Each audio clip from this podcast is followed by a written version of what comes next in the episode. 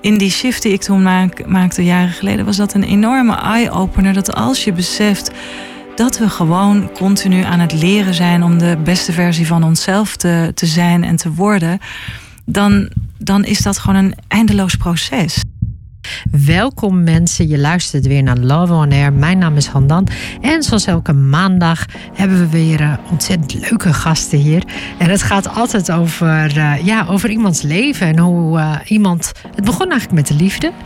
En eigenlijk is dat een beetje veranderd naar mensen hun leven, waar ze vandaan komen, waar ze naartoe gaan. En we hebben echt diepte-interviews met mensen.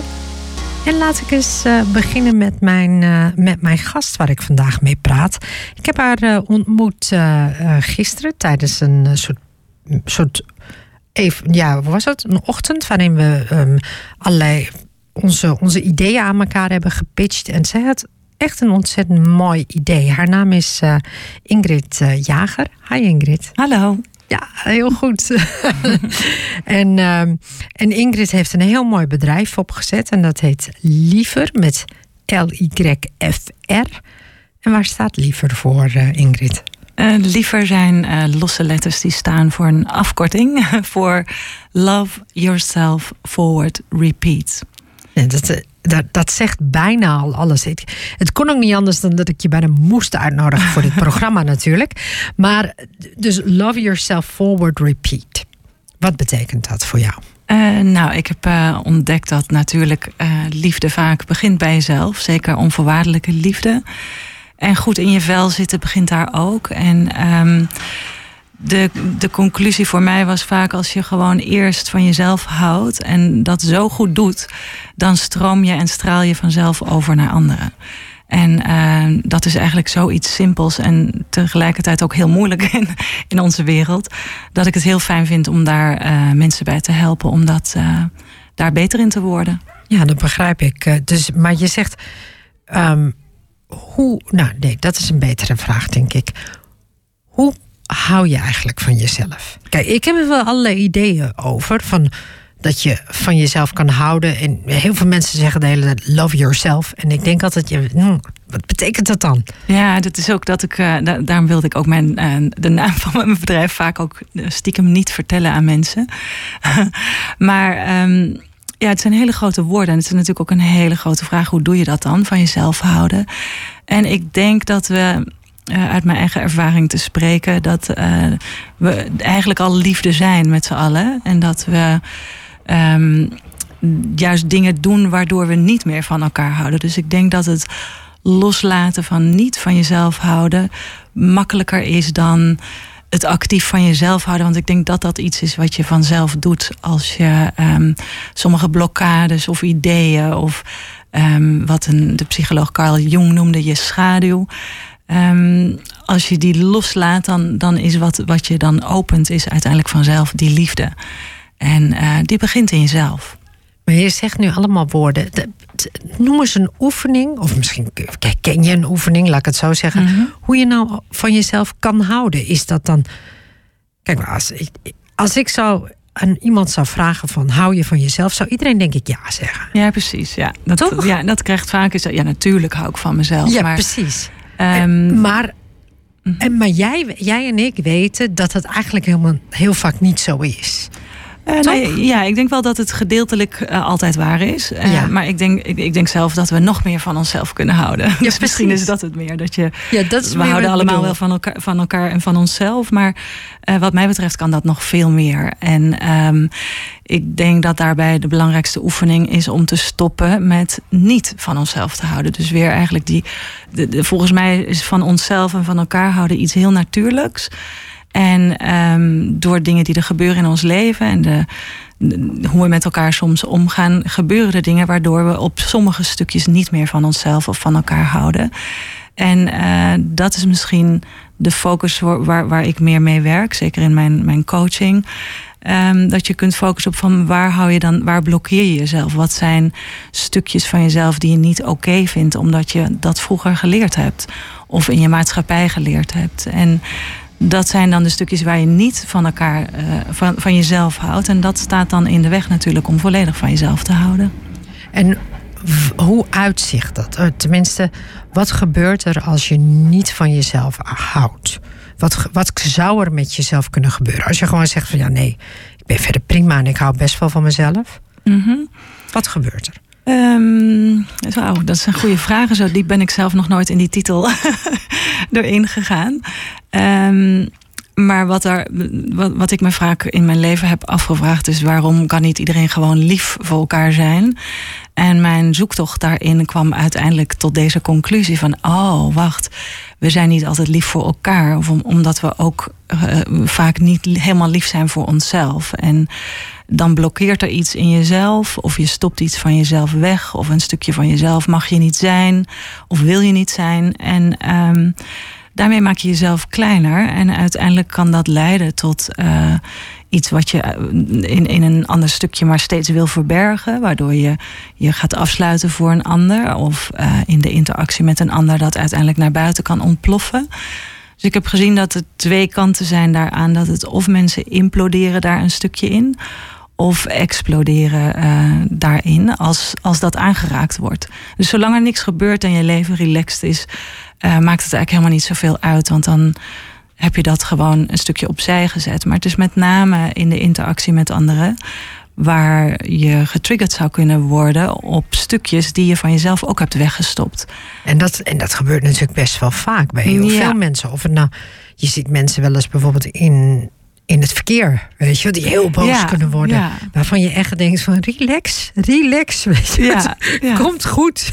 Ja, zo simpel kan het zijn. Of iemand kan iets zeggen waardoor um, de een denkt van, nou ja, dat is een neutraal iets en de ander uh, wordt daar heel erg door uh, geraakt of getriggerd en daar komt een heleboel andere, er komen een heleboel andere dingen naar boven.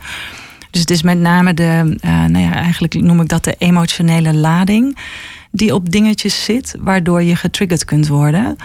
En uh, als iets voor jou neutraal is, als het jou niet uitmaakt dat je dit of dat bent, of um, zo of zo gezien wordt, als je daar helemaal niks van aantrekt, uh, hoe een ander naar je kijkt, hoe je zelf naar je kijkt, um, en helemaal echt volledig relaxed jezelf bent, want daar komt het dan natuurlijk op neer, dat je helemaal je echte hele zelf mag zijn dan, dan is er eigenlijk niet zo heel veel aan de hand. Maar vaak is het toch wel zo dat we. Nou ja, ik ken, ik ken in ieder geval nog niemand die nooit in zijn of haar leven getriggerd wordt door iets of een ander. Dus ja. Nee, meestal. ja, precies. Het komt vaak voor. Ja. Dus je hebt, iedereen heeft dus een bepaald, ja, bepaalde buttons, zeg maar, die worden, worden geraakt. Ja. En dat, dat, ja, dat hebben we allemaal. Uh, uh, maar dat, en dit is dus want hoe kom je daar dan overheen? Hè? Hoe, kun je, hoe kun je dat veranderen? Of ja, het lijkt mij dat je dat graag wil veranderen. Ja, nou, ik, uh, ik zeg altijd: bewustzijn creëert keuze. Dus als we er niet van bewust zijn, dan is er een soort automatische piloot in ons die um, allerlei ideeën die we hebben in stand wil houden. Uh, maar als we wel daarnaar durven kijken, uh, want soms is daar ook best wel wat moed voor nodig en dat is met name dan over de vooroordelen, of gewoon oordelen die we hebben over elkaar of over onszelf. Als je daar wel naar wil kijken, dan um, word je je bewust van iets en kun je misschien ontdekken dat daar iets heel anders achter zit. En dat bewustzijn geeft gewoon een keuze. Als je niet bewust bent, dan, dan reageer je automatisch. En het bewustzijn geeft een keuze om daar iets in te veranderen. Ja, en je, je, want jij komt helemaal niet uit deze hoek, hè? Je, komt, je bent niet zeg maar begonnen met van... oh ja, ik ga nu gezellig dit bedrijf oprichten. Nee. Toch? Ik bedoel, nee, ik ben niet uit zichzelf dat je dacht... nou, ik vind dat iedereen liever moet tegen, tegen elkaar moet zijn. Nee, nee. Dat, nou ja, dat heb ik misschien altijd wel gevonden... maar heb ik vroeger misschien minder over nagedacht. Maar um, toen ik uh, ging werken...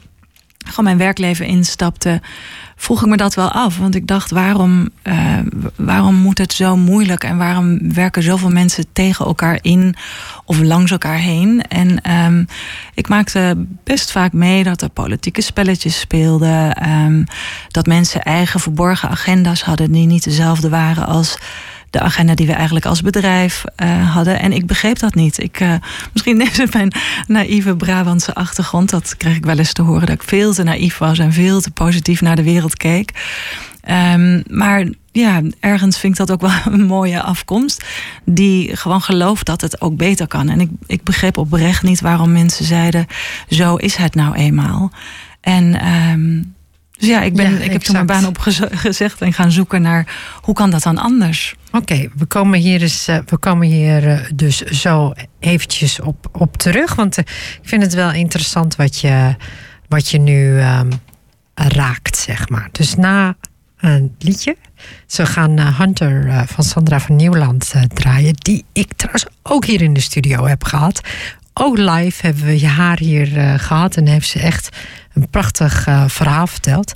Dus, uh, dus als Sandra dit hoort en ze weet dat Haarlem 105 haar best vaak draait. Um, Hunter van uh, Sandra van Nieuwland.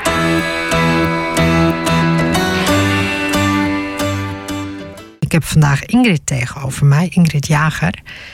En Ingrid die heeft het bedrijf Liever Love Yourself Forward Repeat. Nou, dat is natuurlijk wel heel interessant. En ik moest dat natuurlijk ook wel echt wel spreken, omdat Love Yourself Forward Repeat. Nou, dat, dat, het, is, het, het is zo groot wat er eigenlijk staat. En dat maakt het ook heel, uh, heel interessant. Hi Ingrid. Hi. Daar was je weer. Ja. Ingrid, je vertelde net uh, voor, uh, voor het liedje vertelde je dat je uit Brabant kwam. Mm -hmm.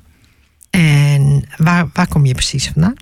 Uh, ik kom uit uh, Helmond en um, ben op mijn achttiende naar per ongeluk in Haarlem terechtgekomen omdat ik ging studeren in Amsterdam.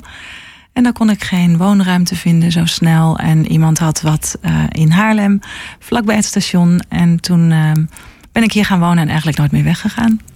En de, dat, is, dat is dus, je, ben, je woont hier al best wel een tijdje in, uh, in de buurt, zeg maar. Ja, met een tussenstop wel in het buitenland, maar inderdaad uh, verder sinds mijn achttiende hier in Haarlem en okay. omgeving. En wat voor studie ben je gaan doen? Uh, Europese studies, economie en Italiaans en Spaans. En op zich zijn het ook wel twee. Want ik heb, ik heb Frans gedaan en oh, ik, weet, ja. ik weet nog dat ik op een gegeven moment wilde ik Spaans leren, maar ik kreeg me tong niet gedraaid naar het Spaans. Ik weet niet precies hoe ik dat moet zeggen. Elk woord sprak ik uit op zijn, uh, op zijn Frans. Ja, dat is met Italiaans en Spaans ook wel. Precies. Dan moet je even inkomen. Dus dat, uh, dat duurt wel even voordat je in de ene of de andere taal zit... en dan niet de, de stopwoordjes en zo uh, door elkaar gaat halen. Ja, dat begrijp ik, ja. want, want dat gaat volgens mij best wel, best wel snel. Ja. En, die, en die studie duurde vier jaar? Ja. En je hebt gewoon het helemaal afgemaakt? Ja, ik heb er wel iets langer over gedaan, maar hem gewoon ja. afgemaakt. En uh, ben toen in de reclame terechtgekomen, reclame en marketing. En dat is ook. Maar, maar was dat dan iets waar je voor had gesolliciteerd? Of dat je zei van oh, daar wil ik ook echt terechtkomen? Nee, dat was wel grappig dat ik voordat ik ging studeren wel dacht van oh leuk, reclameopleiding. En, uh, maar dan, dan was het meer zo van ja, je hebt de kans om te gaan studeren, dus dat moet je doen. Dus dat had ik braaf gedaan. Um, maar het was ook een jaar waarin het niet zo heel makkelijk was om banen te vinden. En bij het reclamebureau zocht dus iemand die Italiaans sprak. En uh, dus ben ik uiteindelijk via mijn taal toch daar terecht gekomen. Oké, en, dus, uh, en heb je dan veel met ja, omdat je natuurlijk iets met Italië deed. Maar heb je, deed je dan veel met Europese studies? Of wat, wat houdt eigenlijk Europese studies precies in? Nou, dat was toen best, uh, ik denk meer hot dan nu. Ik weet niet of het überhaupt nog bestaat. Ik denk het eigenlijk wel. Maar het was nogal hot toen met de Europese Unie. En um, nou ja, het leek voor mij leuk omdat ik uh, altijd een hele brede interesse heb om niet alleen maar economie te gaan doen. En dan kon je bij deze studie in ieder geval ook talen erbij doen. En in het licht van die, die Europese eenwording waar we toen in zaten, was dat natuurlijk best wel heel interessant. Dus daarom, en, dus, en wat leer je dan? Hoe Europa in elkaar zit, zeg maar? Of ja, hoe, het ging vooral Brussel... eigenlijk over economie en um, uh, met losse vakken, als je wilde, over, uh, over uh, de Europese Unie. En we hadden wel voor één vak bijvoorbeeld professor Saas, weet ik nog. Dit was een van de mensen van de Nederlandse Bank. En die kon dan altijd heel hot op vrijdagochtend, vers van de pers, was die net in Brussel geweest en um, had hij dingen meegemaakt. En die kon hij dan s ochtends bij ons in de les altijd heel mooi uh, vertellen. Met een echt, uh, ja, wat je net op het nieuws had gezien, werd dan vervolgens in de les besproken. Dus dat was heel leuk. Oh, dat, dat is best wel ontzettend leuk. Dat, ja. dat, dat snap ik. Dus hij, hij kon echt vertellen uit, uit zijn ervaring. Ja. Dus het, was, het was ook niet uit een boek of zo. Nee, het was niet alleen maar abstract. Het, was heel, het werd in dat vak in ieder geval heel erg praktisch. Ja, dat was heel leuk. En is het nu ook geworden wat je Europa, wat je dacht dat het zou worden? Um, nou, ik geloof dat mijn scriptie ging over uh, of Italië klaar was voor de EMU. En nou, um, ja. mijn, mijn, conclusie was nee. dat idee heb je nog steeds? Uh, ja, maar dan, ze hebben het gewoon toch gedaan. ja, precies. Ze hebben het nog steeds gedaan. Maar, ja. maar je ziet wel dat Italië best wel struggled. Ja, ja, ja, dat was toen ook al heel erg. En uh, ja, het is grappig dat, om te zien dat, um, dat de politiek dan daar ook dat gewoon doorzet. En um, denkt van nou, we gaan er gewoon voor. En dat, dat, ja, dat gaat hier en daar dan toch af en toe een beetje mis. Ik, eh, maar heeft ook wel hele mooie dingen gebracht. Ja, zeker. Ik, maar ik vind Italië ook. Ik heb wel eens projecten gedaan, ook in het kader van de Europese Unie. Mm -hmm. Dus kon je Europese subsidies aanvragen. En samengewerkt met Italië. En dat was al zo'n groot verschil. Of je dan had ik Duitsers, Zweedse mensen, Italiaanse en Nederlands dus. Hè? Ja. Ze waren met z'n vier in een project. En de Italianen deden alles gewoon compleet anders. Gewoon echt totaal andere cultuur. Met die Duitsers kon je nog wel overweg. Die Zweden kon je helemaal overweg. Maar de, um, ja, de, de, de, de Italianen waren qua cultuur en hoe ze de dingen deden echt, echt anders dan, uh, dan de noordelijke landen, zeg maar. Dat viel mij dan op. Ja, grappig hè, dat zo dicht bij elkaar we al zoveel van elkaar verschillen. Ja, zeker. Ja. ja. dat is absoluut. En vooral Italianen gaan toch op een andere manier ermee om. En, um, maar ja, goed, ik vind Duitsers ook al heel anders hoor dan Nederlanders. Dus dat, uh, wat dat aangaat, het land zit naast ons, weet je. Ja, ja, maar zelfs in Nederland zelf. Ik als Brabantse hier in het Westen is ook al een groot verschil. Ja, dat is ook al. En wat is het grootste verschil, vind jij? Um, nou, ik denk de gemoedelijkheid die we, die we daar kennen. Um, hier is het wat harder. En um, wat, ja, toch wat stugger. Ook al zitten we natuurlijk niet in Friesland. Maar voor een Brabantse is dat dan ook al wat killer, wat, wat harder. Ja, dat is en, toch uh, wat, wat uh, ja. Maar ik vind dat... Kijk, ik ben geboren en getogen in Groningen. Mm -hmm. En ik heb ik hou wel heel erg van die Groningse mentaliteit. Het moment als je door die laag heen bent, ben je er ook helemaal doorheen. Wat is dan de Groningse mentaliteit? Ja, ik weet niet precies hoe ik dat moet zeggen, maar er is geen. Er is, het is niet zo fake of zo. Het is mm -hmm. echt recht voor zijn raap. Als men je mag, mag men je. Als men je niet mag, mag men je niet.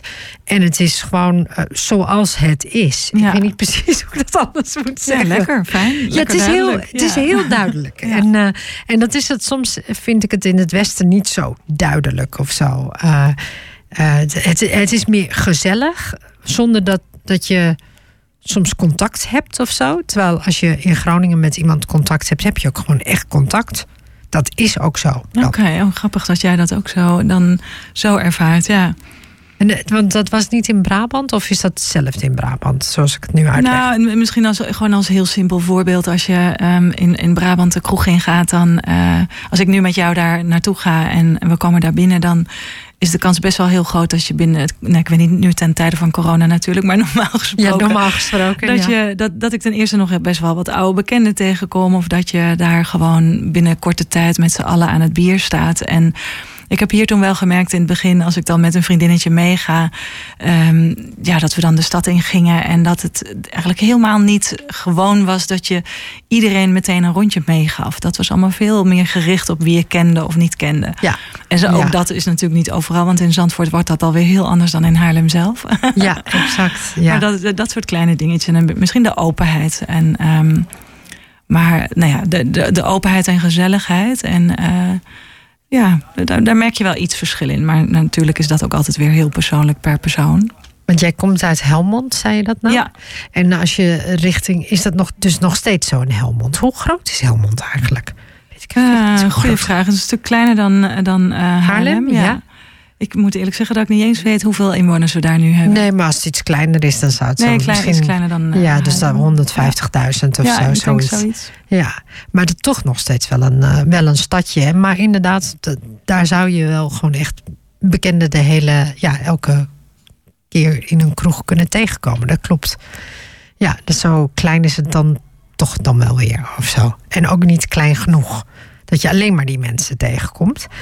Maar, uh, maar, maar leuk, bijzonder dat je uit Helmond uh, komt. Dus, en, ja. en soms wordt er me wel eens gezegd dat je dat durft te vertellen. ja, serieus? Hoezo? Ja, ja geen idee. Um, het, het, wordt als grap ook wel eens de sport, sportiefste stad van Nederland genoemd. Die had ik zelf toen nog nooit gehoord. En toen zei ik, nou, hoezo dan? Omdat ja. de meeste mensen daar in een trainingspak lopen. Nou, dus dat soort grappen worden. Het is best wel een industriestad. Maar ik, uh, ik vind zelf dat wat. Ja, in de laatste jaren is het ontzettend um, veel gezelliger. Nog gezelliger geworden dan het al was. En je gaat dus nog steeds graag terug. Niet zo vaak, maar um, uh, als ik er ben, is het altijd leuk om uh, weer oude bekenden te zien. Ja. ja, dat begrijp ik ook. Dat begrijp ik ook. Nou, leuk. Klinkt, uh, klinkt goed. En je bent dus zeg maar, dus nadat je je studie had afgerond, ben je dus de reclame ingegaan. En ben je daar ook in gebleven in de reclame? Uh, nee, ik, uh, in, uh, ik ben wel geswitcht van een paar banen. De, dus de marketing, soms de reclame alleen maar, soms de, de communicatie alleen maar. En um, ik werd onrustig. Ik uh, dacht van, joh, waarom wordt er vaak zo moeilijk gedaan? En waarom, uh, zei ik, ik liep vaak tegen politieke spelletjes aan.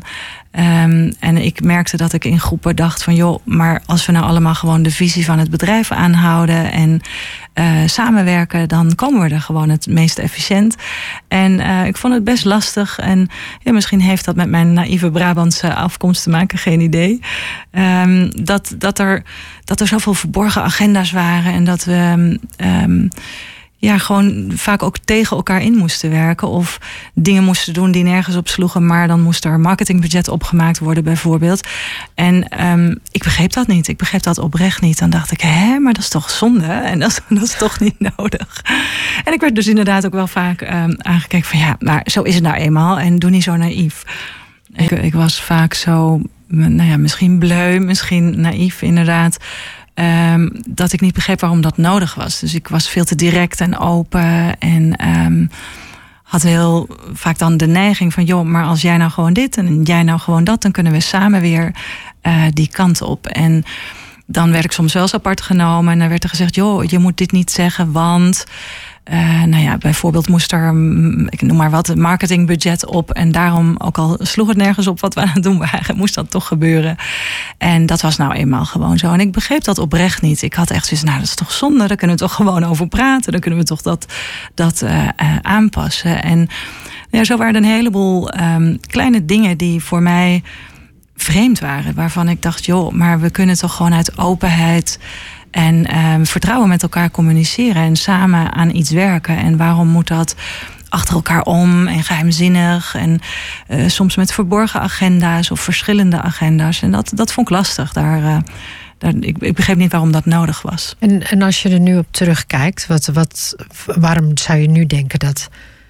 Waarom, waarom gebeurt dat? Ik vraag het me ook af hoor. Ik vraag me oprecht ook wel eens af van goh, want ik zit er ook heel erg in met van weet je, als je voor een bedrijf werkt, dan werk je voor dat bedrijf. Dus, en als je er niet wil werken, dan werk je er niet. Weet je, je werkt er, dus dan doe je wat er van je wordt verwacht. Of je hebt een beter idee, mag ook altijd. Um, maar ja, hoe, hoe zie jij dat? Weet je, heb jij dat nu dat je denkt van Oh, nu begrijp ik dat beter. Waarom mensen die. Ja, ik begrijp wel beter uh, waarom mensen blijven zitten in banen die ze soms misschien niet leuk vinden. Of waarom mensen meespelen, zeg maar. Want dat, dat krijg ik dan ook wel vaak te horen van joh, dan moet je gewoon aan meedoen. Dat, dat hoort er nou eenmaal bij. En ik, ik had altijd zoiets, ja, maar hoezo, als dat nou eenmaal zo is, dat kunnen we toch gewoon veranderen dan? en ik moet eerlijk zeggen, ik heb nog steeds tot op de, van, op de dag van vandaag nog niemand ontmoet die niet zou willen dat het anders was. Maar toch kreeg ik van iedereen te horen: zo is het nou eenmaal. Dat ja. moet je gewoon tegen kunnen. Zo is de wereld nou eenmaal. Maar dit is en dat vond ik heel lastig. Maar dit is toch super interessant wat ja. je nu zegt. Dus niemand wil het. Want ik heb ook, ken ook niemand die het wil. Um, en iedereen doet het. Ja. ja, en iedereen doet er wel aan mee. Hoe kan dat? Uh, nou, inmiddels um, heb ik daar heel wat onderzoek naar gedaan en uh, ben ik er wel achter. Dat heel, ik denk dat ten eerste mensen geloven dat het niet anders kan. Dus die denken. Dat is zo, gewoon een basisgeloof. Ja, zo is de wereld. Hebben. En als het dan zo is, moeten we daar gewoon aan meedoen. Dat kun je niet veranderen. En uh, nou, ik geloof wel dat we heel veel kunnen veranderen. Ik begrijp dat mensen ook denken dat kan je niet in je eentje veranderen. Maar ik denk dat we, nou ja, als, als 8 biljoen mensen het allemaal zouden veranderen, is het in één keer klaar. Um, dus ja. zo ingewikkeld zou dat niet moeten zijn. Maar toch hebben we dat met z'n allen schijnbaar heel uh, ingewikkeld gemaakt. En ik denk dat angst daar een uh, grote raadgever is die zegt: joh, maar als je niet meespeelt, dan kom jij niet aan die baan of verlies je je baan. En nou ja, de meeste mensen zijn daar natuurlijk toch afhankelijk van voor hun, uh, de, voor hun hypotheek of hun, hun huis, hun uh, gezin dat ze moeten onderhouden, voor hun eigen levensstijl. Dus mensen zijn vaak bang om dan hun baan kwijt te raken als ze er niet mee meespelen. En dat, zou, dat is zeg maar de basis om, ja, om te zorgen van. Dus dan gaat angst meespelen. Dus je moet dus in die baan blijven.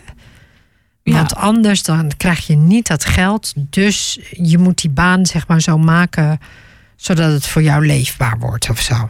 Ja, nou laat ik ook voor opstellen dat uh, ik denk dat er ook heel veel mensen gewoon geen last van hebben. En uh, ik heb wel ontdekt dat omdat ik juist geloof dat het anders kan, uh, heb ik de passie om, om te onderzoeken waarom, uh, waarom we dat niet aan het doen zijn en hoe we dat dan wel zouden kunnen doen. En ik denk dat er ook heel veel mensen zijn die daar niet zoveel last van hebben, die accepteren dat gewoon. En die denken, nou ja, het zal mij verder uh, om het even zijn, want als ik naar huis ga, heb ik er geen last meer van. En die laten dat gewoon daar. Dus dat, ik denk dat daar ook een stuk verschil in zit. Dat ja, als mensen dat gewoon kunnen parkeren en opzij kunnen zetten, dan doen ze gewoon hun werk, verdienen ze geld en is het verder prima. Ja, maar dit is volgens mij. Kijk, en dit vind ik nou moeilijk. En dit zou jij ook precies, denk ik, wel hetzelfde hebben. Maar, um, of ik neem aan dat jij dat op dezelfde manier hebt bedacht. Kijk, ik dacht altijd van: hé, hey, ik zit hier 30, 40 uur per week. En ik was ook nog zo dat ik altijd liefst 50 uur per week of 60 uur per week werkte. dus ik dacht dat als ik hier 60 uur per week zit. en als ik het dan niet leuk kan maken, dan, dan klopt er iets niet. Dus ik heb, daarom heb ik altijd bedacht, daarom ben ik heel snel leidinggevende geworden, omdat ik dacht van ja, weet je, dit gaat me niet zo snel, uh, dit gaat me niet gebeuren. Ik werd er trouwens ook gewoon voor gevraagd hoor, maar ik dacht van ja, weet je, uh, dan liever leidinggevende, dat ik meer invloed heb dan gewoon werknemer zijn, waar ik weinig invloed heb. Ja, nou, dat is natuurlijk ook een, een manier en een hele goede manier, denk ik, dat je het dan zelf uh, intern verandert. Uh, voor mij was het veel te overweldigend. En ik dacht, hè, maar waarom? Ik, ik had echt oprecht toen zoiets van: ben ik nou gek of is de wereld gek? Waarom doet iedereen dit? Nee, nee, die, en ik voelde me echt een hele vreemde eend in de bijt. Van nou, ja. maar als we toch allemaal dat niet willen, waarom veranderen we het dan niet samen? En dat, dat vond ik heel frustrerend. Dat dat, daar, dat iedereen zich daar zo bij neerlegde. En dat we niet gewoon zoiets hadden van: oké, laten we even samen op de tafel gaan. En hoe kunnen we dat samen anders doen? Ja, exact. En, maar ook, weet je, ik had het laatst met een vriendin er ook over. Um, ik, ik ben heel erg gewend in mijn leven, als het me niet bevalt, om het te veranderen. Ja. En niet expres of zo, ik bedoel, maar gewoon omdat ik dacht van ja, weet je, als ik het niet verander, dan blijf ik in deze situatie zitten. En dan blijf ik straks ook depressief of zo, omdat ik in een bepaalde situatie zit waar ik eigenlijk niet in wil zitten. Dus ik ben altijd heel erg zo geweest dat ik dacht, ik ga het veranderen. Ik weet niet hoe, maar ik ga het veranderen. En meestal, gelukkig, lukte me dat. En, um, en, dat, en dat, diezelfde insteek of dezelfde gedachte heb ik ook toegepast altijd in mijn werk. Mm -hmm. En en ik geloof, ik geloof dat heel veel mensen dit heel eng vinden. Ja, of denken ben... dat ze het misschien niet kunnen veranderen. Ja, nou, ik denk dat inderdaad. Ik denk dat heel veel. Uh, ten eerste misschien. Um, de, de, de pijn niet groot genoeg is om het te willen veranderen en daar de moeite voor te doen. Want dat geeft dan natuurlijk ook weer andere dingen die, die ze zouden moeten opgeven. En um, ik kan me voor mijzelf herinneren dat ik er zoveel last van had dat ik het gewoon niet anders kon dan uh, veranderen en een andere keuze maken. Um, en ik, ja, ik denk dat dat niet voor iedereen gelijk is. Dus daar heb ik nu wel veel meer begrip voor en compassie voor. Dat mensen zeggen: joh, maar dit is gewoon maar een baan. En uh, straks ga ik weer lekker naar huis en dan laat ik dat weer los. En ik was wel een gepassioneerd iemand dat precies wat jij ook zegt. Dat als ik daar 40 tot 60 uur in de week zoiets doe, dan wil ik daar gewoon mijn hele ziel en zaligheid instorten. En um, ja, dat, dat kon dan niet omdat ik zo tegen al die dingetjes aanliep. En, um... nou ja, niet alleen dingen. Eh, heel vaak was je dan ook nog met je collega's, ging je dan ook nog een biertje drinken. Of ik drink niet echt bier, maar, um, maar dan ging je een wijntje of zo drinken. Na het werk ook nog. Dus vaak was je nog steeds met die mensen. Weet je? Dus ik vond, ja, dus heel veel van je tijd ging naar, uh, ja, naar die mensen om je heen en je werk. Ja. Ja, en ik had heel vaak het gevoel van jongens, we kunnen toch veel meer bereiken als we gewoon echt samenwerken en dezelfde visie hebben. En als we daar even wat moeite in stoppen om, uh, om daarnaar te kijken. En ik denk dat dat uh, tegenwoordig ook veel meer gebeurt dan toen overigens. Ik denk dat die wereld daar ook echt zeker sowieso vanzelf al heel veel in het aan het veranderen is daarin. Maar voor mezelf was het inderdaad van, joh, maar weet je, ook managers, er werd, er werd gewoon veel machtsmisbruik gemaakt. Als je hoger zat, werd daar uh, misbruik van gemaakt voor, voor mensen die lager zaten. En dat werd uitgespeeld. En dat, dat, dat begreep ik gewoon oprecht niet. En ik begreep ook niet dat niemand daar tegen inging. Ik wilde, ja, daar, ik wilde daarvoor opstaan. En, ja, ja maar dat het, wordt dus wel. Ja. Maar mensen, volgens mij voelen mensen dit soort dingen. En voelden ze het ook altijd. En wat er dan, wat er dan gaat gebeuren, vol, volgens mij, is dat. Weet je, daarvoor had je dus die vakbonden. En die. Uh, de, moest de werk, werkgever nam het niet voor je op. Dus de werk, dat lijkt, het lijkt heel klassiek of zo. De werkgever nam het niet voor je op. Dus je moest naar de vakbond toe, want met meerdere mensen was je. Ja, kon je, kon je het aan of zo. Maar ja, eigenlijk heel gek. Als, ik er zo over nadenk. Maar het was, het was inderdaad een heel gewoon systeem. Vakbonden, werkgevers die je uitbuiten. En jij als werknemer, uh, ja, natuurlijk niet altijd. Ik bedoel, in, in bedrijven inmiddels, zoals bijvoorbeeld van Google en dergelijke, um, zit het heel erg anders in elkaar. Maar dit vond ik ook heel interessant, ja. Ja, ik denk ook niet dat ik het zo zwart-wit heb gezien. Ik heb me ook nooit uitgebuit gevoeld. Maar ik, het waren gewoon meer kleinere dingetjes die Um, ik, ik, weet inmiddels dat ik een hoogsensitief persoon ben. En dat heb ik me toen nooit gerealiseerd. Dus ik had dingen door die misschien niet iedereen door had, of waar anderen zich makkelijker voor konden afsluiten. En um, ja, dan weet je, als een baas iets tegen iemand zei wat gewoon recht gewoon echt heel onaardig was en waar dan niemand iets mee deed, dan, dan wilde ik daar graag voor opkomen. Maar ook simpele dingen als inderdaad zo'n uh, marketingbudget wat op moest en waar je dan een, um, een reclame voor moest maken die gisteren af moest. Dan dacht ik, jongens, maar kunnen we niet gewoon eerlijk zeggen: joh, dat reclamebudget is niet op, maar we willen het volgend jaar wel houden, want. En dat, dat, dat begreep ik niet. Ik begreep niet dat we niet gewoon vanuit die eerlijkheid en die, dat vertrouwen en de openheid met elkaar um, konden samenwerken. En uh, uh, ja, ik denk dat daar, daar gewoon heel veel. Ik, ik, had zelf het gevoel dat daar heel veel te winnen viel. En, um, maar wist, eh, zo jong als ik was, ook echt absoluut niet hoe ik dat dan zelf moest aanpakken en dat zelf moest veranderen. Ja, ja, ja. Ik, trouwens, over die vakbonden. Mijn bedoeling, wat ik ermee wilde zeggen, was dat het dat er een soort structuur in zat. Niet dat ja, je per se, per se hoefde uitgebuit hoefde te voelen. Mm -hmm. maar, wat ik, maar wat ik wel interessant vind wat je zegt. Want jij hebt dan bij een reclamebureau gewerkt. Ik heb wel eens bijvoorbeeld bij de gemeente Amsterdam gewerkt. En moest eind van het jaar moest, al die, moest dat geld op. Mm -hmm. Hetzelfde idee. Dus dit, dat geld moest dan zeg maar uh, aan allerlei projecten op worden gemaakt. En, uh, en dus de gekste projecten kregen dus geld, omdat het geld op moest. Ja. En uh, uiteindelijk, ik werd toen op een gegeven moment uh, leiding of coördinator werd ik. En ik um, had een bepaald budget. En daarmee mocht ik bijvoorbeeld opleidingen inkopen.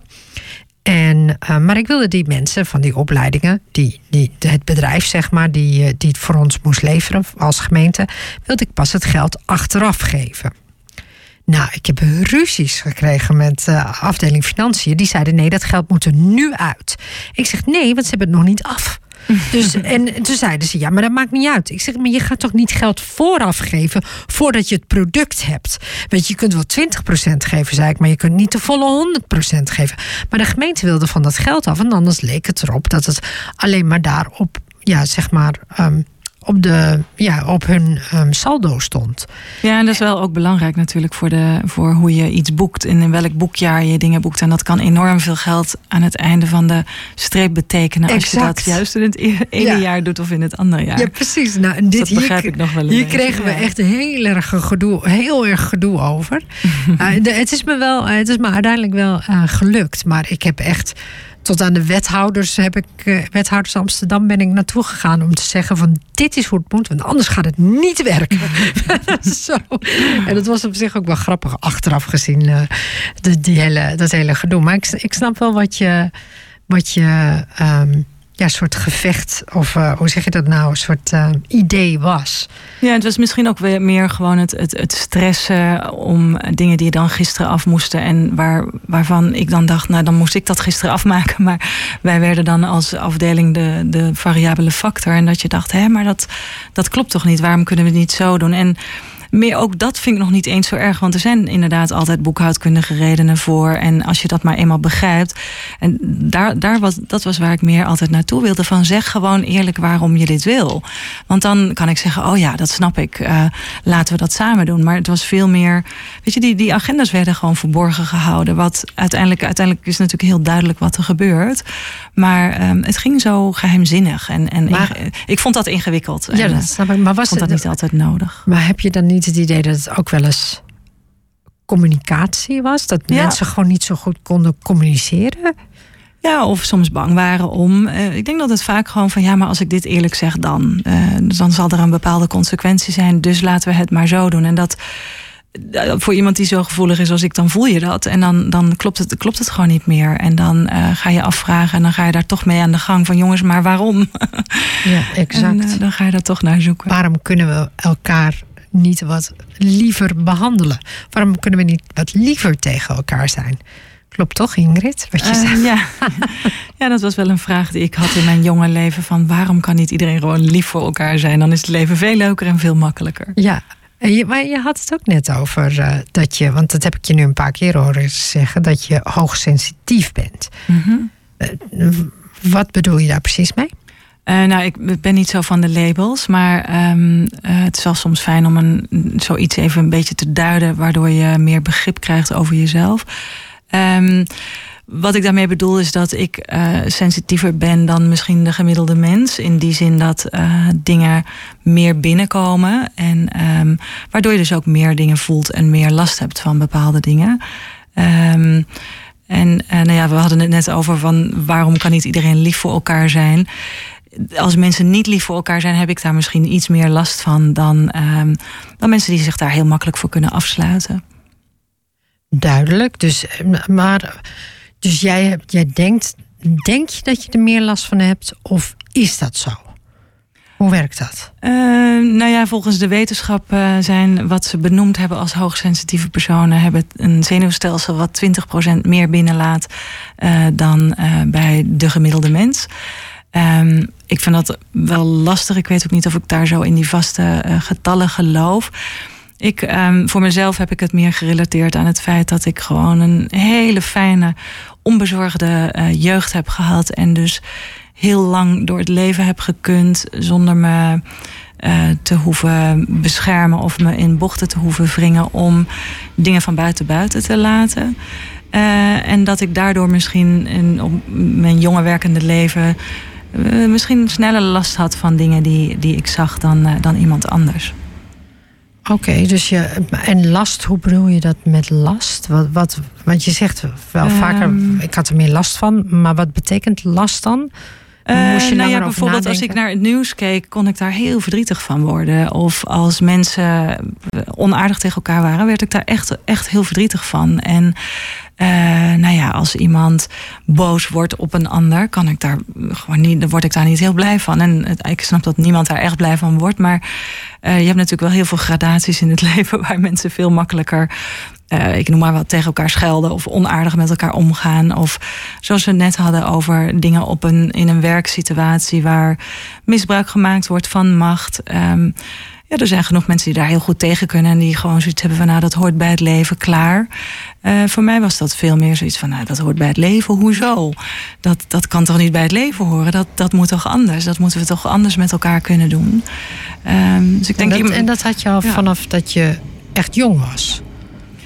Um, ja, nou, ik kan me wel dingen herinneren als. Um, uh, nou ja, zo, zoiets kleins als bijvoorbeeld. Uh, dat ik toen ik op de lagere school zat, door twee jongens staande werd gehouden. En die, uh, die zeiden van nou, geef je fiets, want anders dit of dat. En ik was daar dan, nou ja, ik weet eigenlijk niet waar dat naartoe gaat. Of dat nou iets überhaupt met uh, hoogsensitief te maken heeft. Maar ik was daar wel heel bewust in dat ik zei van joh je kan mij nu wel in elkaar slaan, maar als je dat doet, dan komt straks mijn broer jouw broer weer in elkaar slaan of jou. En dan gaat het maar door. Dus hou gewoon op.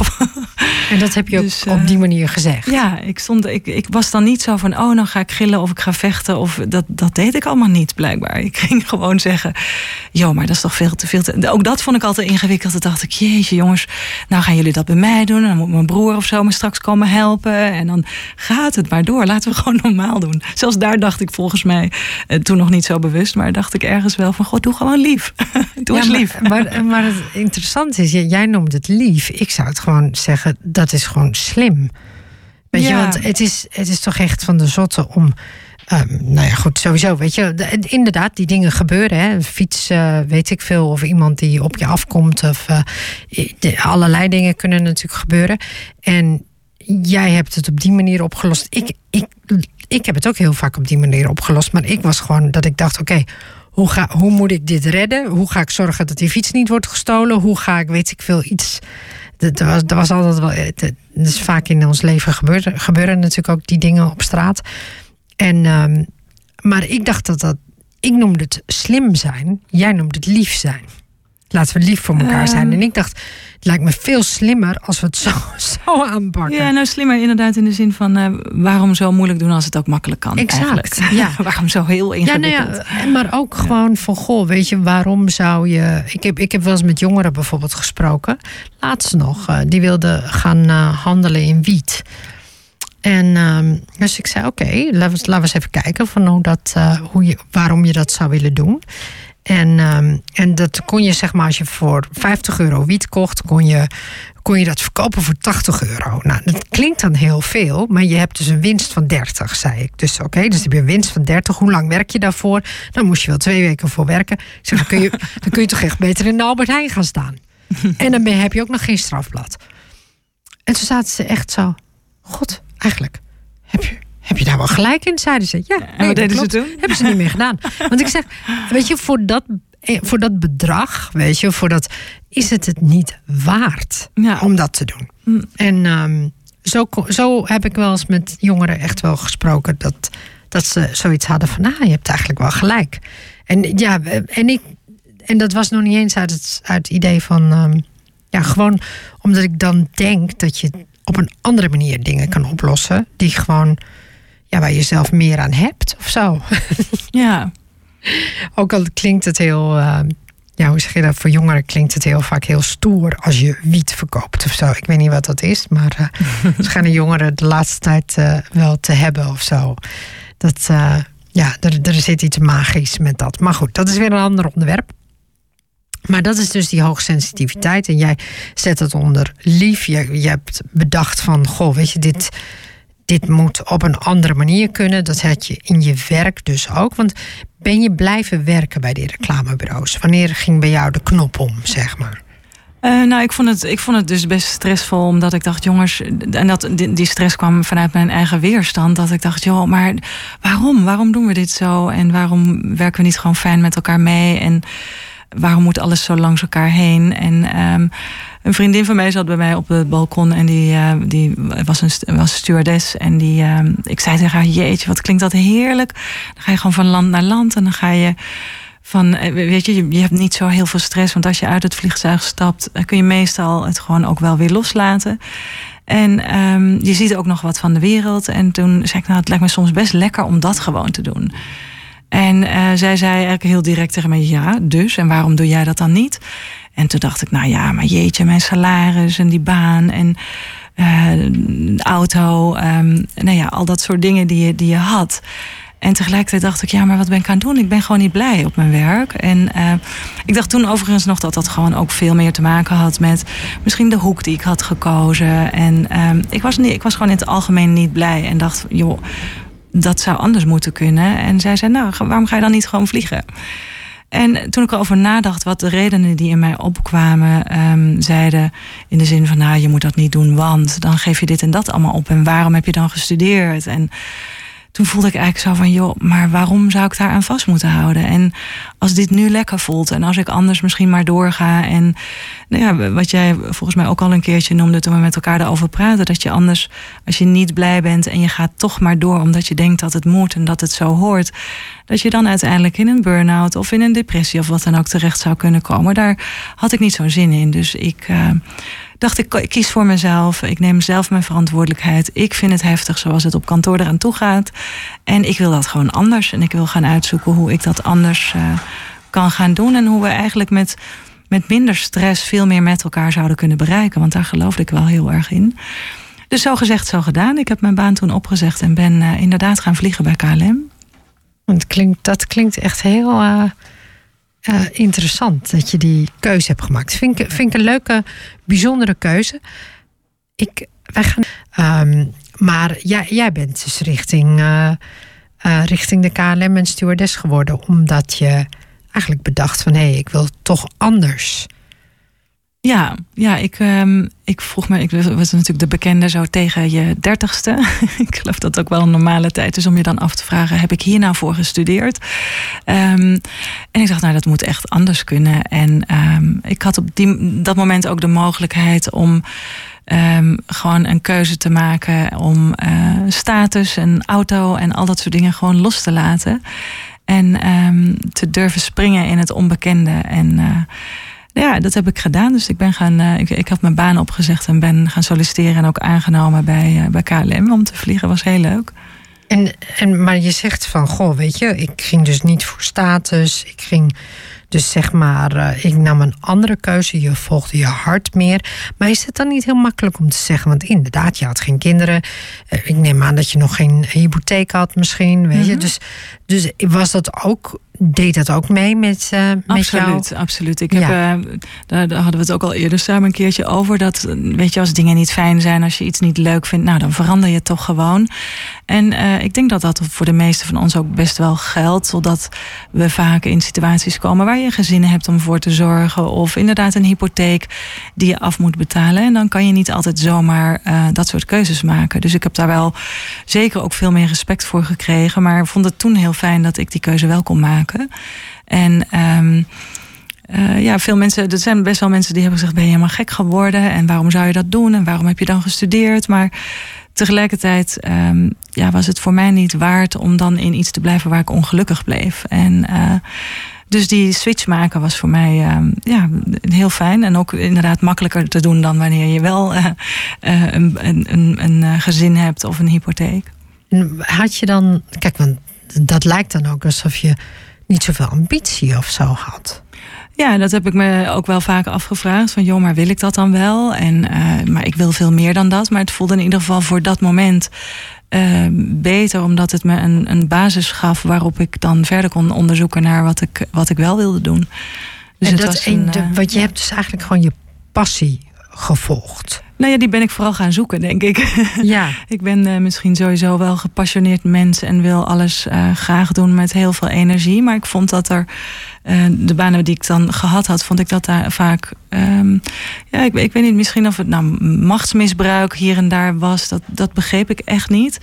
En ik vond dat te stressvol. Ik dacht, nou, dat ga ik, ik ga uitzoeken hoe dat anders kan. En ik had ook bedacht in de jaren dat ik ehm, in de corporate wereld had gezeten van, nou, volgens mij zouden we gewoon met minder stress en beter uh, samenwerken, betere communicatie onderling, uh, veel leuker met elkaar samen kunnen werken en dan uiteindelijk ook veel meer bereiken. Daar, daar, dat geloofde ik wel heel erg, maar mijn collega's zeiden altijd van nee, zo is het nou eenmaal en dan moet je gewoon aan meedoen. En ik dacht, nou, dat geloof ik niet. Dat moet, dat moet echt anders kunnen. En uh, ja, zeg maar net zoals je bijvoorbeeld een um, kopieermachine, ik weet niet of je die tegenwoordig nog gebruikt, maar toen wel. Als je die gebruikt, had je daar een onderhoudscontract voor. En ik was toen verbaasd dat je niet ook een onderhoudscontract had, gewoon voor het menselijk kapitaal in je bedrijf. Dus ik wilde graag gaan uitzoeken hoe we daar uh, anders mee om zouden kunnen gaan. Ja, dat, dat, dat was. Uh, dat, dat, dat uh, klinkt heel logisch ook. Want, want hoe, hoe ben je uiteindelijk richting je eigen bedrijf gegaan? Want je, um, bedoel, je, je hebt toen gevlogen, neem ik aan, een tijdje. Ja, en toen leerde ik mijn man kennen. en die zei na twee jaar, ga je mee naar Singapore? En toen dacht ik, nou, waarom niet? Um, dus wij zijn toen naar het buitenland verhuisd. En um, ik heb toen de, de mogelijkheid genomen om te kunnen gaan studeren. En me te kunnen gaan verdiepen in, in dit onderwerp. Van nou, maar hoe kan dat nou anders? En waarom heb ik dan zo vaak het gevoel, ben ik nou gek of is de wereld gek? Um, en, en ja, daar kreeg ik de ruimte en de tijd uh, om, om dat te doen. En dus je, toen je in Singapore was, ben je verder gaan studeren? Ja, En wat, heb, je, wat heb je nog meer gestudeerd? Wat heb je, waar heb je je in verdiept? Ik ben begonnen met psychologie natuurlijk, meest voor de hand liggend, als je zoiets als dit wil onderzoeken. En um, dat vond ik eigenlijk eh, aan het eind van, een, van het propenduizen, vond ik dat iets te abstract. Ik dacht, nou oké, leuk, dit zijn alle theorieën van hoe we als mensen in elkaar zitten, maar hoe kunnen we dat dan gebruiken en hoe kunnen we het dan echt ook anders doen? Uh, dus het verklaarde een heleboel, maar ik, ik wilde nog meer de diepte in. Ik wilde echt ook uitvinden hoe, uh, hoe dat dan anders zou kunnen. Uh, dus vandaar ben ik naar NLP-opleiding gaan doen, neurolinguistisch programmeren. En een hele rits van, nou ja, ik noem het zelf maar als verzamelnaam Body, Mind en Spirit opleidingen gaan doen. Want ik merkte wel dat hoe meer, hoe meer je weet, uh, hoe, of hoe, meer je weet, hoe meer je ook weet dat je eigenlijk helemaal niks weet. Uh, dus van de ene studie kwam de volgende vraag. En ik, ik wilde me alleen maar nog steeds verder verdiepen van hoe zit dat nou? En ik had heel erg het gevoel dat de hele body, mind, spirit daar wel mee te maken had. Dat als ik alleen maar ons, ons hoofd en ons mentale stuk en ons psychische stuk zou bestuderen, dat ik er dan niet was. En uh, nou ja, met zo'n lange omweg en een heleboel opleidingen verder kwam ik er eigenlijk achter dat waar ik tegenaan liep in de corporate wereld ook precies gebeurde in, in, in gewoon de, de, zeg het maar, de spirituele wereld. Um, en ik, daar, daar was ik heel erg van in de war. Daar dacht ik, hè, maar hier, wordt ook hier is ook machtsmisbruik. Hier moeten we ook één richting volgen. Hier moeten we ook lid worden van iets als we er verder mee willen kunnen. En um, uiteindelijk liep ik toen ergens, uh, in een, zat ik in een training en dacht ik, nou hier ga ik nu de sleutel vinden. Want ik was natuurlijk heel erg op zoek naar hoe zit dat dan en wat klopt hier nou ergens niet aan. En in die training um, zei, zei mevrouw, haalde me door zeven stappen heen om een soort breakthrough um, voor elkaar te krijgen. En ik hoorde haar praten en ik hoorde van alles zeggen. En ik dacht, nou ja, oké. Okay. Ja, dat snap ik ook. Ja, dat snap ik ook. Ja, dat weet ik ook al. En op het laatst zei zij tegen mij: Ja, maar Ingrid, jij kunt de wereld niet accepteren zoals die is. Oh. En toen was ik even stil en dan keek ik van, ja, maar wie kan dat wel? Dus ik keek heel, geloof ik, heel hoopvol om me heen ja, om steun. Weet je, zo. En iedereen knikte. Ja, nou dat, dat hoopte ik, maar dat was dus niet. Ik had echt zoiets van, ja, iedereen kijkt nou naar mij terug en zegt, ja, inderdaad, Ingrid, wie kan dat nou, wie kan, iedereen, wie kan de wereld nou accepteren zoals die is? Maar iedereen zat mij gewoon met hele grote, bijna meelijwekkende ogen aan te kijken, of mede, mede ja, voelende, hoe zeg je dat ook? Ja, ja, ik snap wat je bedoelt. Meevoelende ogen aan te kijken. En ik voelde echt opeens zoveel. Echt alsof ik gewoon tegen een muur tot stilstand was gekomen en dacht: wat? En, en dat kwam zo enorm binnen. En ik moest toen ook heel hard huilen. En ik had bijna het gevoel of in dat huilen alsof ik misschien wel, misschien wel voor het eerst in mijn leven uh, overgaf. Dus dat ik dacht, ik geef het op of ik geef me over. En um, dat was een enorm moment wat ik voor mezelf ook echt een enorme shift in mijn leven noem. Waarin ik, dat duurde echt wel maanden, waarin ik heel erg ging spelen met accepteren dat de wereld zo is. Maar wat bedoel je met zo dan? nou, zo bedoel ik dan met, nou ja, alles wat dus je op het nieuws ziet en alles, alle agressie, alles. Um, ja, alles wat, wat niet gewoon fijn, gezellig en, en, en vredelievend is, zeg maar. Nou, denk je dan niet eens in, in percentages? Bijvoorbeeld, um, kijk, je kunt bedenken dat 80% van de wereld slecht is. Maar je kunt ook bedenken dat 30% van de wereld slecht is. Of 10%. Uh, nee, ik begreep gewoon niet waarom überhaupt iemand slecht was. nee, nee, dat, nee, dat geef je, daar ja. geef ik je absoluut gelijk in. Dat begrijp ik ook niet, waarom iemand slecht is. Of nou, ik begrijp waarom... het nu wel, maar... Oh, oké. Okay. Maar wat, wat ik ermee bedoel is... Um, de percentage... Want kijk, dat er slecht is op de wereld, ja, dat uh-huh. geloof ik. Uh, bedoel, dat, dat, dat, ja, dat zien we. Weet je, bedoel, dat, dat is ook gewoon zo. Uh, en het kan, over, kan door van alles komen. Um, maar dat percentage, dat vind ik nogal een verschil maken. Als jij denkt dat 80% van de wereld slecht is, dan ga je heel anders om met, uh, met, met de wereld dan als je denkt dat 10% slecht is. Uh, ja, absoluut. Maar ook, ook daarin nog steeds. Um, Kijk, het is fijn als je van 80% naar 10% gaat, uh, als je daar zo tegenaan kijkt. Maar dan nog steeds kan, kan het meer of kan het beter. En um, ja, ik, ik moet eerlijk zeggen dat juist door, door dat stuk wat ik net beschreef, dat ik echt een beetje het gevoel had van ja, maar ben ik dan de enige die de wereld niet kan accepteren zoals die is? Of dat nou 10 of 20 of 100 procent is. Maar dat, dat ik gewoon graag wilde dat we allemaal um, wat leuker voor elkaar zouden zijn. Um, ik, maar daar was je hopelijk toch echt niet de enige in. Nou ja, dat gevoel kreeg ik daar even. Daar maar wel. Ja. Dat stuk was heel belangrijk, omdat ik merkte dat ik tot die tijd best wanhopig aan het zoeken was geweest. Of niet, in het begin maar wel misschien steeds wanhopiger aan het zoeken was geweest. Van, maar hoe komt dit nou? Wat is nou de sleutel? Hoe kan ik dit fixen? Hoe kan dit anders? En die bewuste dag in, uh, in Singapore was dat ook nog. Dat die, deze dame tegen mij zei van ja, maar jij kan de wereld niet accepteren zoals die is.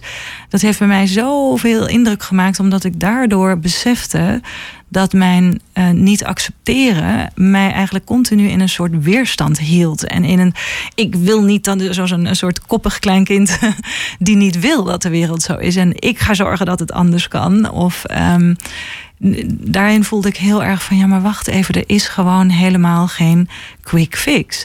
En het eerste stap in uh, transformatie voor, voor iedereen is uiteindelijk het accepteren dat de dingen zijn zoals ze zijn. En wat ik later in, in, in die jaren daarna langzaamaan ontdekte, is dat nu, tot nu toe ik vaak de wereld had gezien van oké, er zijn mensen die hem gewoon accepteren en die spelen mee. En er zijn mensen zoals ik uh, die hem niet accepteren, die willen hem veranderen. Maar op dat moment besefte ik heel erg dat die beide groepen niet goed of fout waren, maar dat gewoon het ontspannen en accepteren van wat is tot nu toe heel belangrijk is om te kunnen creëren wat kan zijn. En dat bracht opeens eigenlijk die twee, twee werelden voor mij samen. En um, ja, naar wat ik altijd eigenlijk zelf noem, terug naar het midden, waarin ik opeens dacht: wow, oké, dus acceptatie is niet per se van dan moet je meespelen en meedoen. Het betekent niet goedkeuren, maar acceptatie betekent dat ik stop met vechten tegen wat is. Mm, dat klinkt heel. Uh, dat klinkt heel mooi wat je nu zegt. Het klinkt heel, heel goed en het klinkt ook heel. Inderdaad, niet als, uh, als vechten of ergens tegen ingaan, maar het zien voor wat het, wat het is. Ja. Ja, ik was heel gepassioneerd omdat ik geloof dat de wereld kan anders. Dus dat, dat moeten we ook voor elkaar krijgen. En um, ja, die bewuste dag in een training toen. Um, uh, waarin we een soort breakthrough zouden maken. Waarvan ik dacht, ja, maar dit weet ik allemaal al. En toen zei zij, zij zei van ja, maar Ingrid, jij kunt de wereld niet accepteren zoals die is. En mijn verbazing daar ook over van hoe kun je dat vragen? die moet toch heel anders. En toen langzaamaan steeds meer. Ik heb even die nacht ook, het is wel heel gek eigenlijk, maar die nacht heb ik toen uh, in bed heb ik echt gevoeld dat mijn hoofd aan alle kanten prikkelde en er gebeurde heel veel. En ik vroeg de volgende dag aan de, aan de trainster van, joh, is dit normaal? Wat gebeurde daar? En die zei van, oh, dan zijn je neuronen gewoon een beetje aan het uh, shuffelen en weer opnieuw verbindingen aan het maken. En ik heb dat daarna nooit meer gevoeld. Maar ik heb echt heel veel geknetter. Alsof je inderdaad alle verbindingen even uit elkaar hebt gehaald. En het weer opnieuw in elkaar zet. En uh, ja, dat was heel bijzonder. Oh, maar dit, dit is wel interessant. Dus je, je kunt dus ook wel echt zeggen na, de, na die opmerking. Maar volgens mij begon het al met. Uh, toen je vriendin al zei dat je richting. Uh, dat je best wel stewardess kon worden. Mm Volgens mij zette je daar al iets in wat anders was. Ja. Dus je zette daar volgens mij je zoektocht in. Maar dat was nog heel actie uh, gericht. gericht. Zo van ik ga dat anders doen. En uh, hoe dan ook, ik krijg de onderste steen boven. Een beetje zo uh, die energie. En ja, inderdaad, ongebreidelde energie om uit te zoeken. Hoe, hoe kan ik nou aan anderen duidelijk maken wat ik zie? En hoe ik daar anders tegenaan kijk. En um, ja, het mooie is door dat moment waarin ik een beetje schrok dat, dat anderen mij aankeken van joh, maar ja je moet wel de wereld gewoon accepteren zoals die is. Dat ik dacht van, oh, wacht even. Ik ben nu misschien ook gewoon wel heel veel energie aan het verspillen. Aan het vechten. Weet je, niet letterlijk vechten tegen, maar wel aan een soort weerstand van, oh, ik wil niet dat het zo is. En um, later heb ik ook geleerd dat. Um, uh, transformatie of dingen veranderen uh, gaat veel meer over energie veranderen, dan, dan dat er dus een frequentie veranderen, dan alleen maar een, een klein stukje iets veranderen. Want meestal verschuif je het probleem dan alleen maar.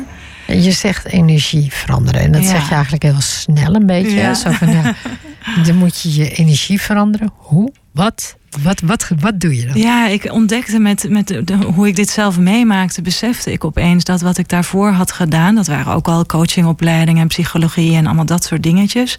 Die waren heel, weet je, dat leek allemaal heel zinvol, maar elke keer kwam ik toch weer terug op, ja, dit is het nog niet, dit is het nog niet. En toen begreep ik opeens wat transformatie, um, uh, wordt vaak gezegd, is een, is een, een, een, ver, een uh, verandering in perspectief. Dus dat je anders tegen iets aankijkt en daardoor, um, nou ja, kijk, dan, dan zie je dingen anders en dan uh, gaat de wereld ook anders.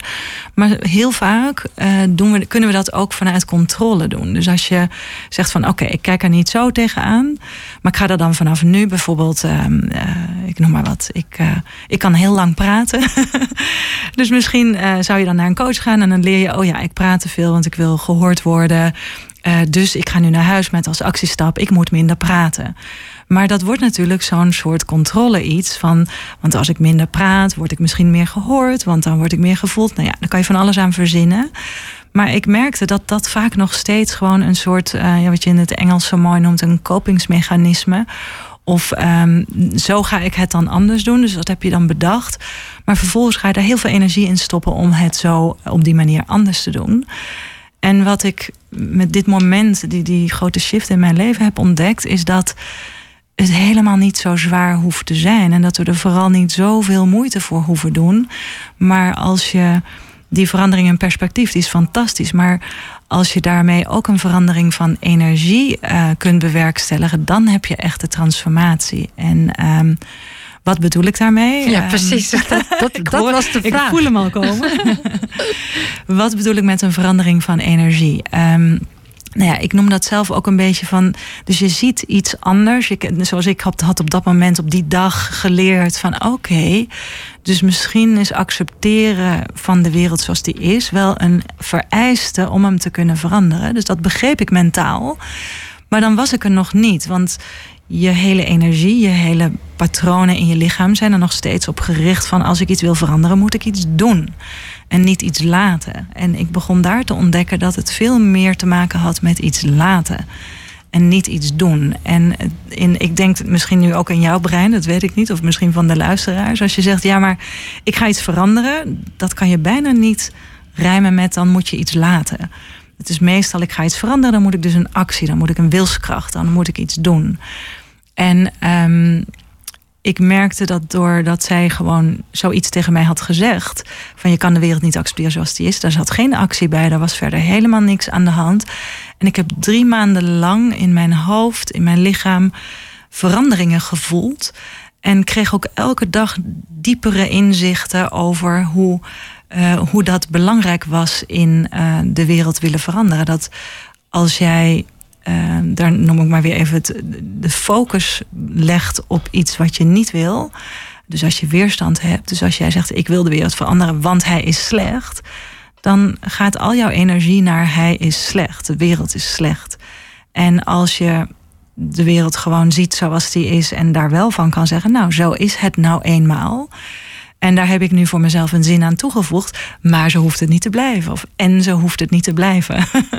ja, of, of misschien wel dat je zelf zou kunnen zeggen van... nou ja, weet je, ik ga mijn best doen met, met mijn eigen gedachten... of met mijn eigen... Maar goed, daar wil ik nog wel zo op komen. Maar ik dacht, ik dacht zelf toen je je verhaal vertelde... dacht ik, ja, meditatie is bijvoorbeeld een van de krachtigste middelen die je mhm. hebt. En eigenlijk doe je niks. Ja, precies. Nou ja, dat is ook zo'n voorbeeld omdat je volgens mij in meditatie je energie verandert en niet iets buiten jouzelf. Dus je verandert iets in jezelf, waardoor je um, een, een andere buitenwereld krijgt. Ja, want het is sowieso al heel interessant, vind ik. Als je bijvoorbeeld begint, ja, het klinkt ook een beetje gek, maar dat doe ik soms wel eens gewoon met een liedje zingen in de ochtend. Mhm, dus dat je muziekje ja. opzet. Ik hou erg van muziek. Ja. Het kan je hele energie shiften. Als Absoluut. Je, Als je niet zo, niet zo heel blij bent, kun je heel blij van worden. Of sowieso vind ik met muziek ook dat je heel erg. Um, je kunt ook heel verdrietig worden van muziek. Of je, je, je kunt in, in gedachten teruggaan naar iets. Dus ja, je energie kan inderdaad best wel vaak veranderen. En. Um, maar jij zegt dan zeg je dan ook, je moet je energie positief houden? Uh, ja, en ook weer niet, want daar is het gevaar weer van. Als je dat dan zo moet houden, wordt dat weer vanuit zeg maar wilskracht. En wilskracht en macht zijn voor mij een beetje woorden die, um, die, je, die je tegen elkaar uit kunt wisselen. Um, en ik, ik vind het woord oerkracht leuk. En ik weet helemaal niet of dat klopt zoals ik het gebruik. Maar voor oerkracht zit voor mij veel meer vanuit je binnenste. Ja. Um, en die oerkracht laat veel meer dingen ontstaan. Um, in plaats van dat die oerkracht daar iets, uh, een actie voor moet leveren. Um, uh, moet dat uitleggen? Zoals bijvoorbeeld in, in mijn geval het luisteren naar, naar toen in die training naar wat zij zei en het binnen laten komen. Daar gebeurde gewoon een heleboel vanzelf. Daar hoefde ik helemaal niks voor te doen. Ik heb het alleen maar toegelaten. Dus je laat dan een verandering toe. En die verandering die, die vindt vanzelf plaats. Ja, akkoord. En, dus, uh, ja, dus dat is niet een kopingsmechanisme van... oh, nu moet ik ergens meer uh, beter mee leren. Jij moet nu leren om de wereld te accepteren. Daar was ik helemaal niet mee bezig. Ja. Maar ik voelde dat het accepteren van de wereld betekende... van oh, wauw, dan haal ik mijn aandacht weg van wat niet goed is. En doordat ik die verschuif naar... maar hoe kan het dan anders dan ben ik helemaal niet meer bezig met iets aan het veranderen. Dat gebeurt wel, maar dat is dan het resultaat. Ja, dan Snap je is wat dat, ik bedoel? Ik, ik begrijp in ja. ieder geval dat je dus jezelf intern met jezelf aan de slag gaat, waardoor de buitenkant verandert. Ja. Ja, dat, dat begrijp ik. En zelfs al is die buitenkant niet veranderd, zelfs je kijk erop kan veranderd zijn. Ja. Ja, toch? Dat, Is, dat is wat je ja. kan Ja, oké. Okay. Nee, dat klinkt... Nee, maar ik denk dat dit wel heel belangrijk is om dit uh, te realiseren. Maar Ingrid, je zei dus eigenlijk net van... dat als je je binnenste als je eigenlijk jezelf, want je, hebt het, je had het ook net over je kern, geloof ik. Mm -hmm. Als je die verandert, gaat, verandert de buitenwereld ook. Begrijp ik dat goed? Ja, nee, het is de, de, ik weet niet of je de oude Postbus 51 reclame nog kent. Verbeter de wereld, begin bij jezelf. Ja, exact. Uiteindelijk is dat gewoon een waarheid als een koe dat. Um, ja, mijn, mijn motto is een beetje geworden: stop met vechten tegen wat is en start met creëren wat kan zijn. En uh, nou, ik denk dat heel veel mensen daar gelukkig in de wereld ook al mee bezig zijn. Uh, maar voor mezelf persoonlijk is dat gewoon een heel belangrijk stukje geweest. Dat je steeds opnieuw weer loslaat waar je tegenaan loopt, wat je misschien lastig vindt, uh, wat vervelend kan zijn in je leven, waar je gefrustreerd van raakt, waar je uh, door geraakt wordt, um, omvergegooid wordt. Al die dingen, als je daar in eerste instantie een acceptatie uh, zoekt daarin, dan laat je je energie uh, ontspannen, waardoor je juist daarna de kracht hebt om te kunnen creëren wat kan zijn en wat anders kan. Maar je weet, of tenminste wat ik altijd interessant vind, is als je. Stel je voor, je hebt een. Je, je, het gaat uit of zo. Je verliest een liefde, laat ik het zo zeggen. Mm -hmm. Als je daar boos op blijft, mm -hmm. dan is er nooit ruimte voor een nieuwe liefde of zo.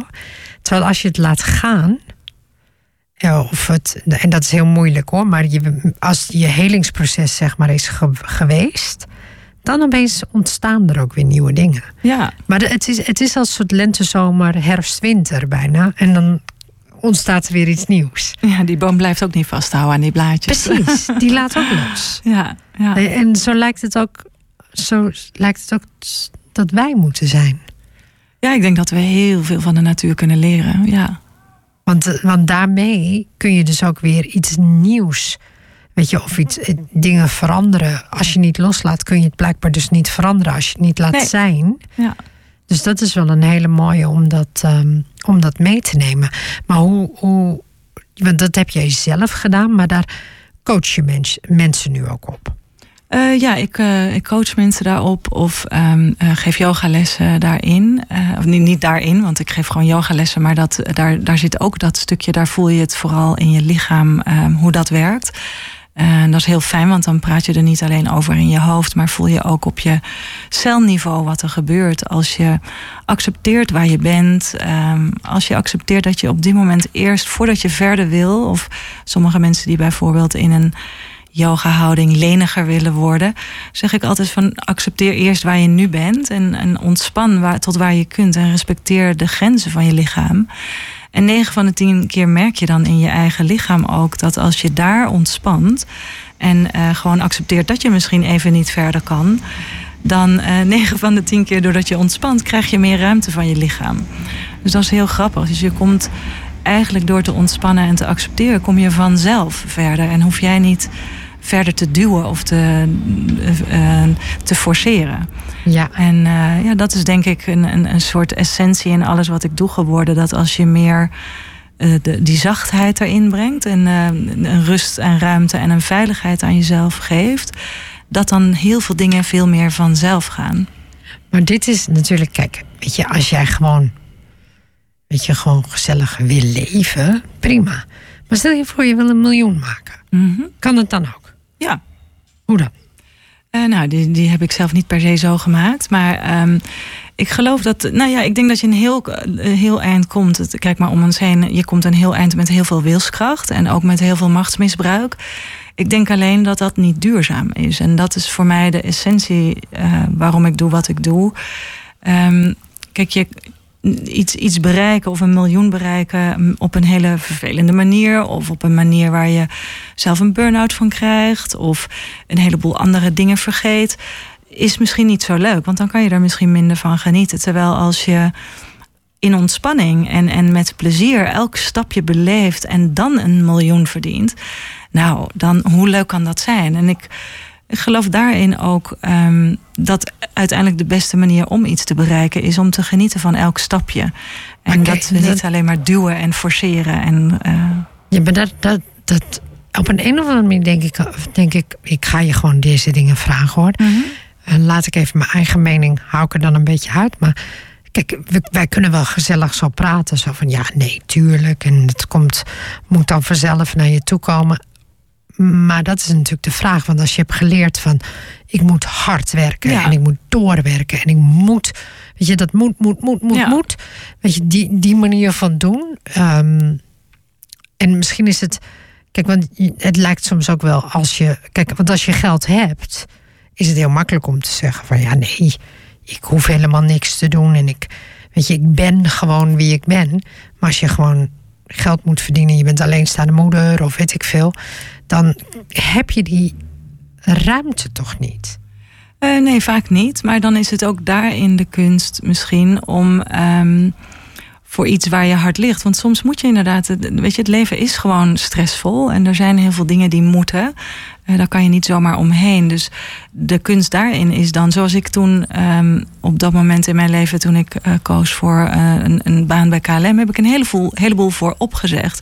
Dus ik denk ook dat je wel bereid moet zijn en het lef moet hebben om je, je hart te willen volgen. En als dat dan betekent dat je misschien iets, iets minder gaat verdienen. of iets uh, kleiner gaat wonen. Dat is ook een hele gevaarlijke, want er zeggen natuurlijk ook heel veel mensen: ja, maar dat kan niet. Maar dat zijn voor mij wel dingen toen geweest uh, als overweging. Van nou, ik woonde klein en ik had natuurlijk het, het geluk tussen aanhalingstekens om alleen maar voor mezelf te hoeven zorgen. Um, dus dat maakt heel veel uit. Maar je kan altijd ergens zorgen dat je een, een basis hebt. En vanuit die basis. Um, Kijk, als je, als je zegt het kan niet, dan ga je ook steeds. En je, en je bent niet gelukkig, hè? want dat stel ik dan voorop -hmm. in, in de vraag die je stelt. Ja. Als je echt ergens in vastzit en je moet dit en je moet dat en je bent doodongelukkig. Um, dan is denk ik de enige manier met kleine stapjes om daaruit te komen, is door hele kleine stapjes toe te gaan voegen om dat geluk weer in jezelf te gaan voelen. En dat is door wat jij zegt, meditatie. Al doe je dat maar drie minuten op een dag, kan dat langzaamaan uh, iets gaan veranderen. En ik denk dat we in de wereld, omdat we zo in, in zo'n situatie dan vastzitten, vaak niet bewust zijn van de kracht die wij als mensen in ons hebben om dingen te veranderen.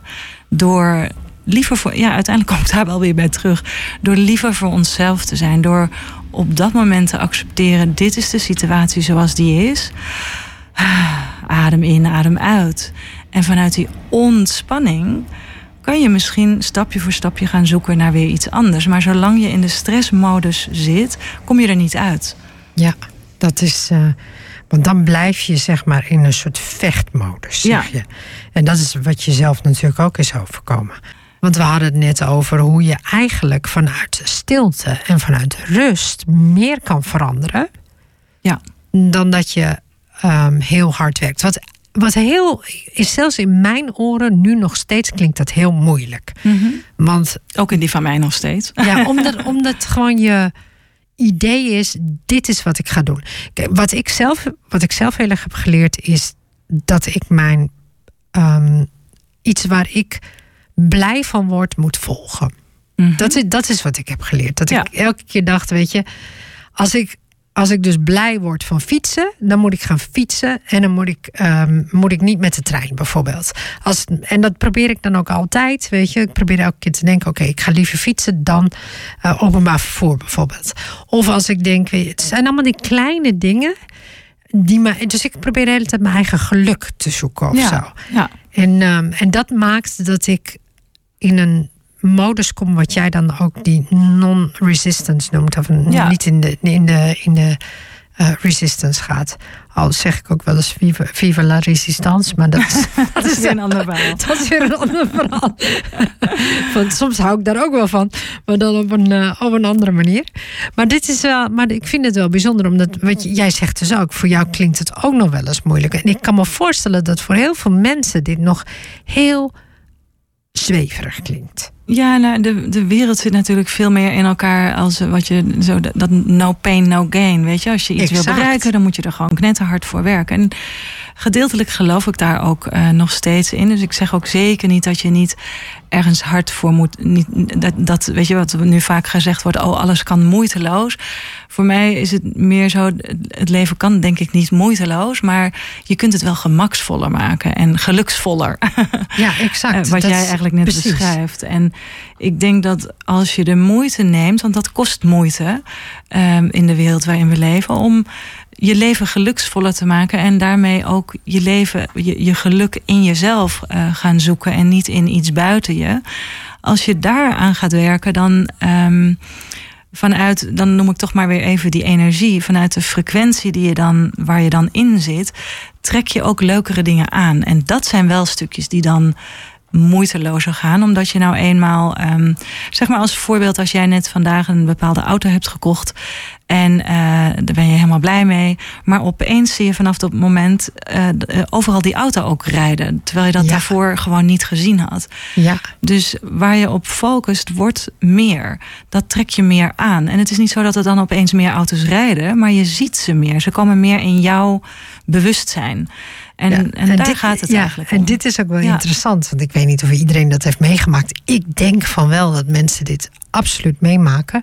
Het is inderdaad waar je je op focust, wordt meer. Ja, En, ehm, en ik kan nog best wel een soort van ADHD, autistisch of zo zijn, in dat soort dingen. Dat als ik graag iets wil, mhm. dan gaat mijn focus daar ook helemaal naartoe. En dan kan ik ook echt niks anders meer zien.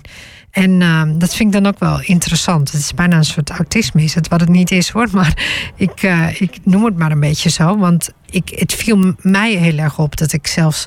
Kijk, als ik bijvoorbeeld in yoga geïnteresseerd ben, dan moet ik ook alles weten over yoga.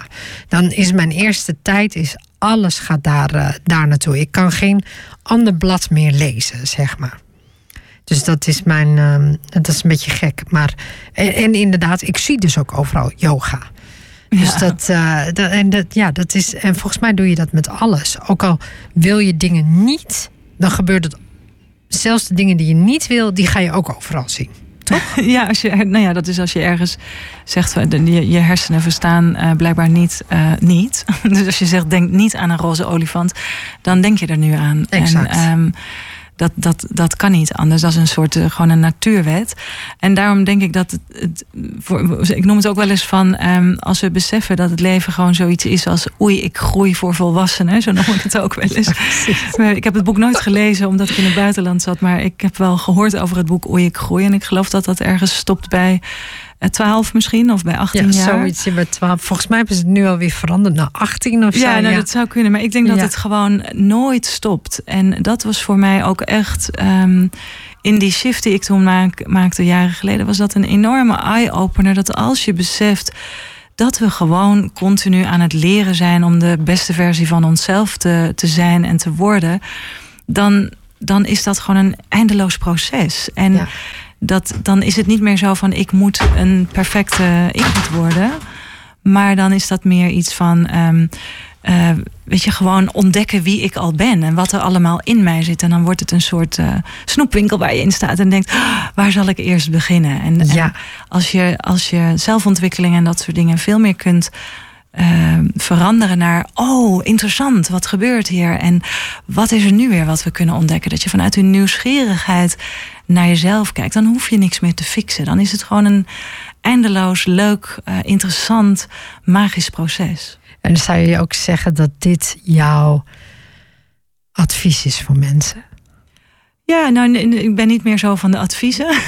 Maar wat zou je ik, ik inspireer liever ja, mensen. Wat, hoe zou jij dat? Nou ja, is ik, dit jouw inspiratie? Laat ik het dan maar zo ja, zeggen. Nou, ik word, ik, mijn hart gaat echt heel veel sneller kloppen als ik met dit soort dingen werk en zie dat, uh, zie dat er weer een glimlach doorbreekt op een gezicht waar daar voorheen heel veel bedrukking stond. Of uh, als ik zie dat het vuur weer in iemand gaat branden, terwijl ze eigenlijk dachten dat ze helemaal vast zaten. Of um, nou ja, als ogen gewoon ook weer gaan stralen. Omdat ze net hebben ontdekt dat die oplossingen waar ze naar zochten gewoon voor het oprapen in zichzelf liggen. Dat het niet, um, ja, dat ze niet een probleem hadden, maar dat ze eigenlijk een nieuwe kans hebben gekregen. En daar, daar, ja, daar word ik heel blij van. Ja, dat klinkt echt heel erg mooi, Ingrid. Ingrid, ik, ik ga jouw gegevens onder de podcast zetten. Mm -hmm. Zodat mensen jou kunnen vinden uh, hier in Haarlem en omstreken. Zodat Dank mensen je ook kunnen uh, volgen, misschien wel op social media. Dus maar dat moeten we heel even nog bekijken. Maar het, ik denk dat het leuk is om, uh, om jou ook echt te vinden. En om met jou te spreken over dit soort dingen. Want je hebt een lange. Volgens mij ben je hier alweer twintig jaar uh, mee bezig. Lange weg en veel ervaring ook hierin.